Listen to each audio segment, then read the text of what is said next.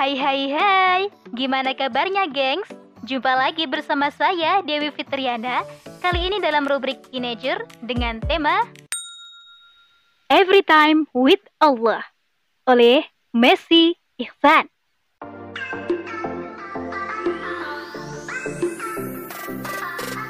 Guys, aku tahu kamu pasti sangat lelah harus berdamai dengan kenyataan dan menyampingkan rasa ego.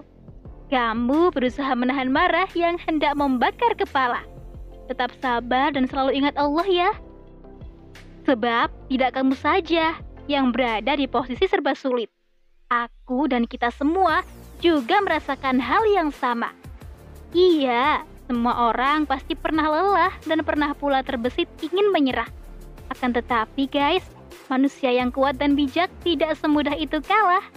Apalagi menyatakan diri ingin menyerah dalam melawan keadaan yang tak sesuai harapan.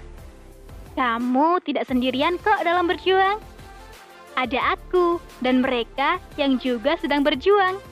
Iya, kita semua sama-sama sedang berjuang agar keadaan segera pulih dan bumi lekas membaik. Tolong lepaskan kacamata kudamu itu. Jangan pernah berpikir bahwa kamu paling menderita di dunia ini. Sebab masih banyak orang di luar sana yang jauh lebih menderita dari kita.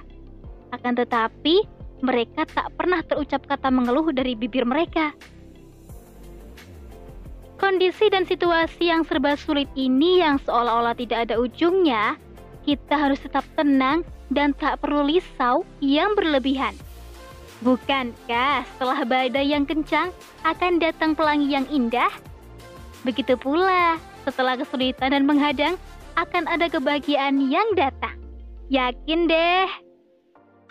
Guys, kita tak perlu risau dengan janji Allah dan bisalah Rasulullah yang mulia. Sebab sudah acap kali Allah mengulangi ayat yang sama di dalam Al-Quran.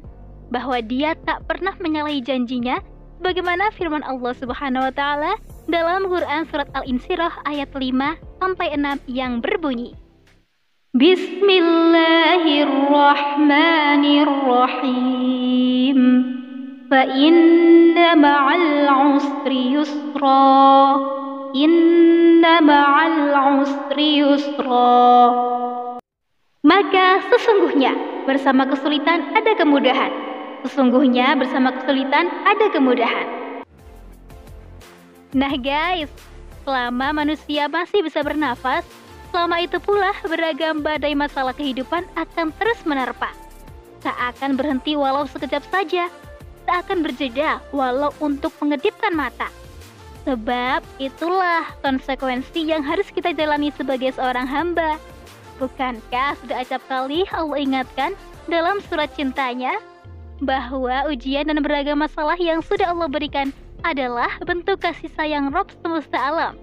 Dia ingin kita selalu taat dan ingat kepadanya dalam situasi dan kondisi apa pun. Ingat, Allah ada 24 jam untuk kita. Allah tak pernah membenci kita dan tak pernah sedetik pun meninggalkan kita. Setiap keadaan seorang muslim adalah baik dan pasti paling baik menurut versi Allah. Sebab guys, ketika diberikan ujian, kita berusaha sabar dan ikhlas dengan takdirnya. Ketika diberi nikmat, kita berusaha selalu bersyukur dan berterima kasih kepadanya.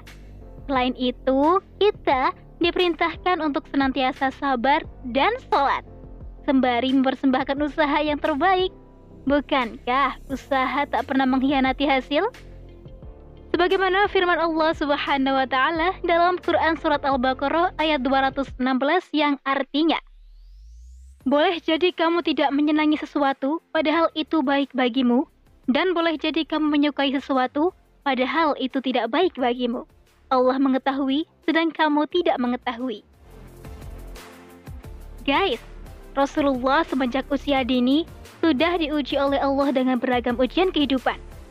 Lahir di dunia sebagai yatim piatu, hidup dengan penuh kesederhanaan, kemudian menikah dengan Bunda Khadijah dan Allah menganugerahkan kekayaan kepadanya.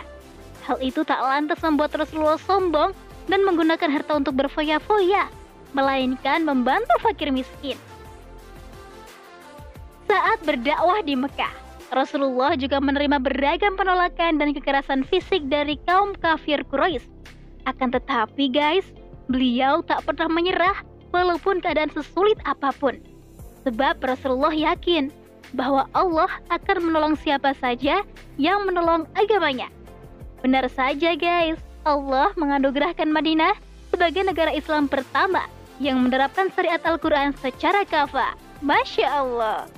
Jadi guys, sesulit apa pun masalah kita hari ini, yakin dan percaya deh, Allah sudah mempersiapkan sesuatu yang indah.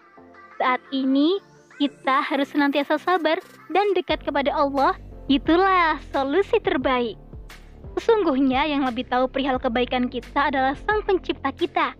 Sebagaimana firman Allah dalam Quran Surat Al-Mulk ayat 14 yang berbunyi, Ala ya'lamu man khalaq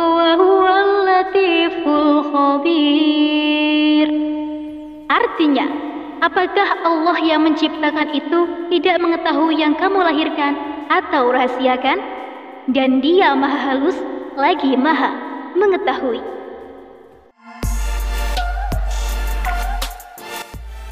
Oke, Dir. Sampai di sini dulu ya.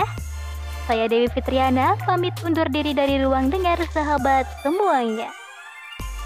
Bye-bye.